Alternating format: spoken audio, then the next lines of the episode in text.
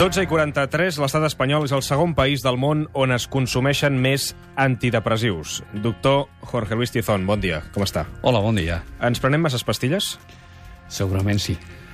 Avui el suplement ús i abús dels fàrmacs. Si mirem el rànquing, el primer país en consum d'antidepressius són els Estats Units, just després ja vindria l'estat espanyol. Com és que estem tan amunt en aquest rànquing? És molt difícil de, de contestar. Segurament hi ha influències culturals, influències ideològiques i influències històriques. Mm?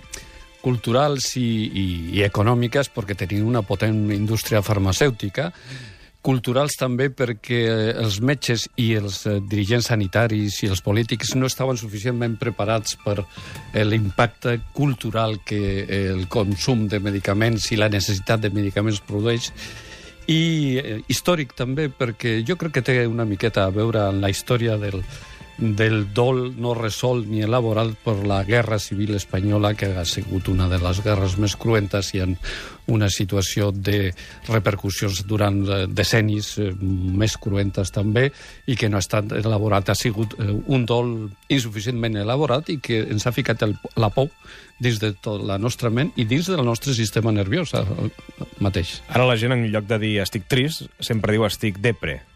Això tu què et genera quan ho sents?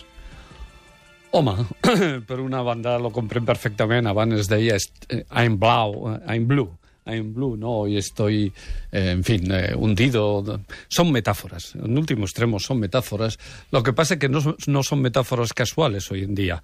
Ha habido una, un trabajo consciente para aumentar el diagnóstico de la depresión en este país y en todos los países desarrollados. Es, uno de los éxitos más grandes del marketing internacional, el haber convertido la depresión, que es una, un trastorno real y que abarca un porcentaje de la población, haberlo convertido en, en un trastorno trastorno o supuesto trastorno que abarca, por ejemplo, en Cataluña, al 12 al 14% de las mujeres en cada momento dado están usando antidepressivos. I aquest 12%, quin seria el que no està ben diagnosticat? És molt difícil de dir-ho, però eh, no, no, està ben diagnosticat segons les eh, classificacions a l'ús. Mm? Però... Eh, sí, clar, però m'està dient que això no hauria de ser així, no? Exacte. Les classificacions a l'ús, la, la DSM americana, inclús la internacional, estàs molt sesgades per sobrediagnosticar la depressió, no? Però, en últim terme, eh, pensem que la realitat del trastorn men mental de depressió greu és al, al voltant de l'1-2% de la població. Tot el reste, que són milions i milions de persones, estan prenent medicaments que, a més a més, que es poden prendre durant un temps i tampoc són tan, tan nocius com diu molta gent, però que tenen repercussions sobretot psicològiques i socials. Ens acostumem a viure amb medicaments. Aquesta és la repercussió fonamental, a part de que tenen repercussions biològiques importants. El doctor Tizón no és un doctor outsider que viu completament al marge de la medicina oficial. De fet, ha estat el cap de psiquiatria d'hospitals importants de Catalunya i està considerat com un dels principals experts en salut mental de l'estat espanyol. Ho dic per contextualitzar i per situar una mica el crac que avui ens, ens acompanya. Vostè que des de que es diagnostica tanta depressió, eh, cada vegada es diagnostica pitjor. Sí, i això no, no lo dic jo, això està demostrat en estudis tant a, a Espanya com als Estats Units, però sobretot a Espanya, no? que al, al mateix temps que s'estava diagnosticat molta més depressió, al mateix temps estaven creixent les baixes per depressió, les llargues malalties per depressió, les pensions per depressió i els suïcidis. Al mateix temps estaven augmentant. I al mateix temps també, quan, també quan estudiem més a prop, veiem que eh, la depressió greu es diagnostica menys i en unes dificultats molt reals, perquè la, la gent que pateix una depressió greu pateix molt, i a més a més no consulta i a més a més està més inclinada a situacions eh, de violència contra ells mateixos o contra el reste. És una pèrdua molt important. Ara mateix la principal cura de, de la depressió és la base? La base serien els fàrmacs? No. Clarament no en aquest cas. No? Mire vostè, eh, en, un, en un cas encara més eh, complicat i, es, i que es diu que té més eh, arrel eh, biològica, que és la, la psicosis, la esquizofrènia. en nuestro país se está haciendo un tratamiento unidimensional de las, y antidemocrático de los pacientes con psicosis consistentes. Casi todos reciben eh, unos fármacos, que son los antipsicóticos. Somos el segundo país del mundo también en consumo de antipsicóticos. Y, sin embargo, eso no debería ser así. En el, servicio piloto que, que, dirigí por cuenta de la sanidad pública catalana, eh, con unos cuantos compañeros y varios equipos, en este servicio utilizamos 19 técnicas. 19 técnicas para cada paciente y su familia, acoplábamos algunas, cuatro o cinco de entre 19, pero no una de una. Mm. Esa es la gran diferencia. Gran parte de las otras técnicas son psicológicas y psicosociales. Y todavía en la, en la depresión, todavía más.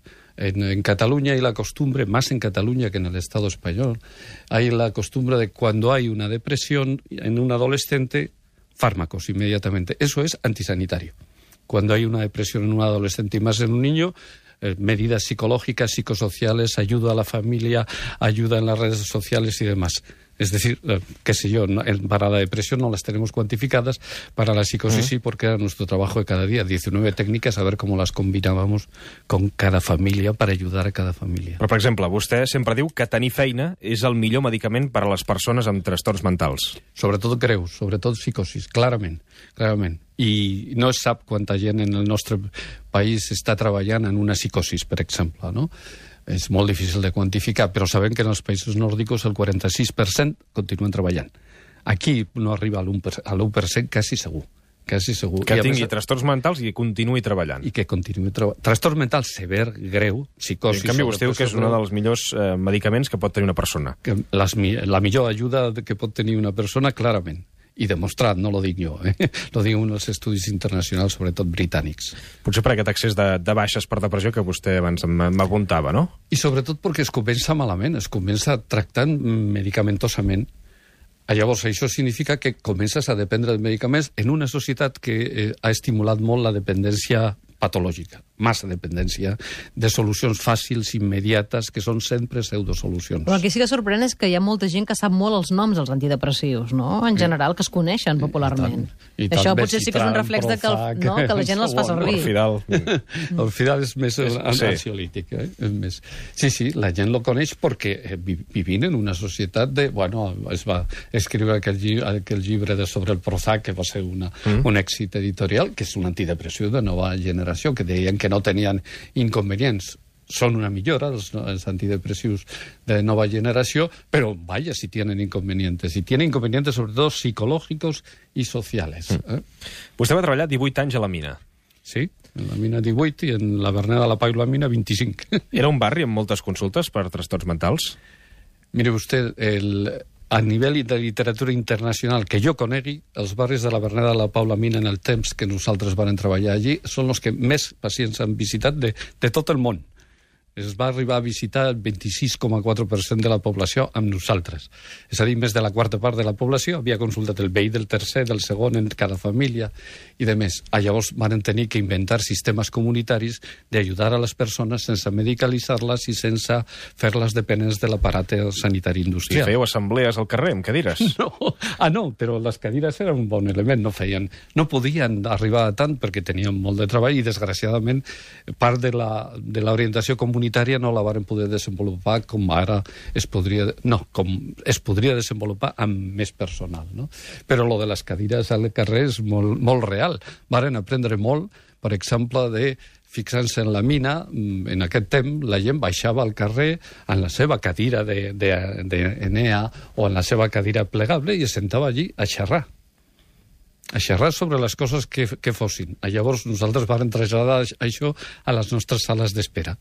I aprofitaven les sales d'espera, inclús varen tenir una espècie de guarderia dins del de servei, dins d'un CAP, eh, d'un centre d'atenció primària, eh, per atendre a les dones i als seus fills petits de menys d'un any, que tenien una unitat especial per, per ajudar-les, i que es poguessin quedar allí me lo varen aprendre de la gent de la mina que baixaven les seves cadires de nea a xerrar. I xerrar és molt, molt, molt útil. No es necessita molta cosa més i si hi ha una persona que oriente la xerrada, que és el que varen fer, que és els grups paral·lels que dèiem. I també vau recomanar anar a córrer. Oh, sí. oh, sí. Per tant, ens hem d'imaginar que a una època a la mina hi havia molta gent corrent? Doncs sí, sí, sí, era... era I era culpa teva, eh? Notable. Era, tenien que prendre el triptizón, que deien ells, o sí. córrer. I això per què? Perquè l'ús del cos ha sigut molt menys, menyspreat, per una banda, per les orientacions psicològiques dependents de la cultura judeocristiana, el cos és dolent, i llavors es va deixar d'aprendre i va, hem tingut que reaprendre a partir de corrents orientals, no? que estan més la consciència del cos està més unificada. ¿no? Mm. Llavors, eh, sin embargo, sabemos que el uso del cuerpo es fundamental para el dominio, para el autocontrol mental, para mejorar la relación con los demás y porque además al mismo tiempo que hacemos ejercicio segregamos el más potente y el más sano de los ansiolíticos, los más potentes, varios, y los más sanos de los ansiolíticos que genera nuestro propio cerebro cuando hacemos ejercicio. Todo esto lo sabíamos y comenzamos a utilizarlo de forma amplia y era, era llamativo. Sí, y además... I van a bé. Eh? I van a bé. I va bé. I va bé. No sempre va bé, ni en tots els casos. Sempre ajuda no sempre soluciona el problema, però sense això, i sobretot en gent jove, problema.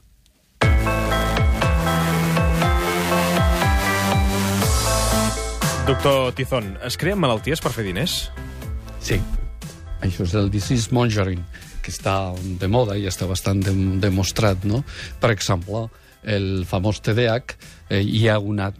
És indemostrable tot això, però hi ha bastants dades per pensar que fou, fou una, una etiqueta, no una malaltia, creada per aprofitar els psicoestimulants, els derivats d'amfetamines i de més que ja estaven fabricats i coneguts fa molts anys del seu pare o el seu avi, mm. quasi segut que havia estudiat en psicoestimulants d'aquest, eh, que són antecedents d'aquests. No? I per llavors... tant, és una, és una malaltia que, que ara existeix, perquè provocada per, uns, eh, per unes pastilles que havien pres els... No, no, no, no, no perdó, no, no m'he explicat. No, no, no, igual jo no ho he entès bé, eh? No, no. Eh, és una etiqueta que se pone a determinados niños que tienen determinadas características, en el mejor de los casos que tienen unas características de eh, que se mueven mucho y que por lo tanto a la larga atienden peor y además a veces son más impulsivos, se les pone una etiqueta que no es una enfermedad y entonces se les empieza a tratar que el tratamiento tendría, en todo caso tendría que ser otra vez multidimensional, pero en este país, ¿cuál es el tratamiento? Uno. La pastilla. Pastillita. Y hay situaciones como, por ejemplo, me decía su compañero eh, yo sé que en, una zona de Cataluña, eh, muy concreta, cerquita de Barcelona, el 52,3 eh, de los niños que visitan un centro de salud mental infanto-juvenil salen con un pseudodiagnóstico de TDAH. Mientras que en otras zonas de Cataluña, 2,58 és a dir, menys de 3 de cada 100. El 50% m'ha dit? 52,3. Es pot dir concretament que és perquè és un reportatge que s'ha emès aquí a Catalunya Ràdio. Uh, vaig anar a veure quants es venien a Sant Cugat del Vallès, concretament, i a Badia del Vallès. I a Sant Cugat del Vallès uh, era impressionant el nombre d'antidepressius que es venien en una concreta farmàcia que, vaig, que jo vaig preguntar, i en canvi al Badia del Vallès no se'n venien. I eh, una altra cosa seria les amfetamines o derivats, eh, els psicoestimulants en general, que seria en, Clar, encara però, més... Aleshores, doctor, quan, quan uns pares es troben amb un nen que té unes inquietuds, que li passen, té uns problemes, uh -huh. eh, i el porta al metge i li diagnostiquen TDAH, què és el que recomanes que facin els, els pares? Doncs que busquin una...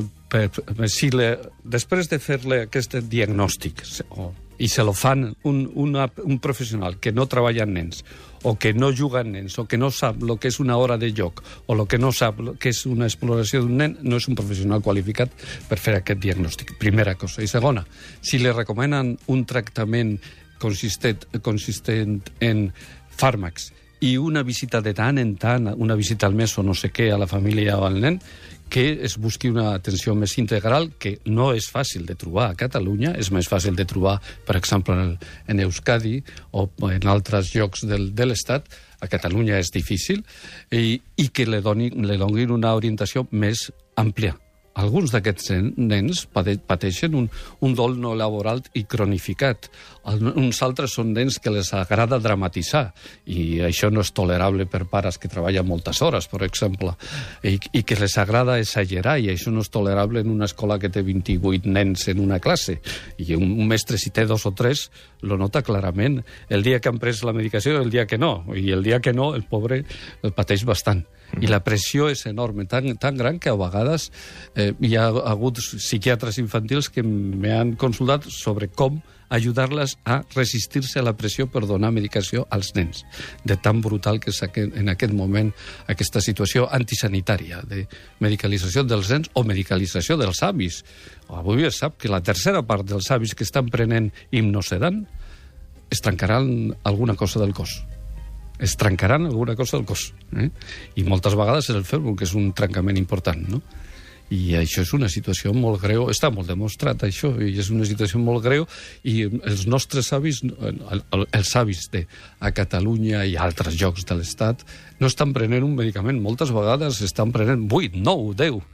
Cap, cap, en cap cas s'han investigat la, l'entrecreuament, eh, científicament, l'entrecreuament entre dos o tres, però entre 12 a 12, まい。うまい。En fi, hem pres nota i eh, ens t'agraïm moltíssim, eh, doctor Jorge Luis Tizón, que hagis vingut avui al suplement. Fa temps que et perseguim perquè tenim moltes ganes d'escoltar-te. Sé que no pares i que sempre estàs fent coses. En tot cas, li agraïm moltíssim que hagi vingut avui al, al suplement i que ho hagi fet amb aquesta claredat i aquesta capacitat que té de comunicar, que, que és brillant i que fa que encara el seu discurs sigui més eh, accessible per tota la, per tota la gent. Es fa frenar una mica. Sí, sí. I, si més no, prendre una mica de distància a les coses. Digui, digui. Eh, de totes maneres, m'agradaria insistir en que, le, si bé el títol de malaltia mental és una exageració i no existeix, el patiment mental i el patir de la població és important. Solament que hi ha altres tipus d'ajut diferents i no solament, no solament els medicaments. Gràcies, doctor.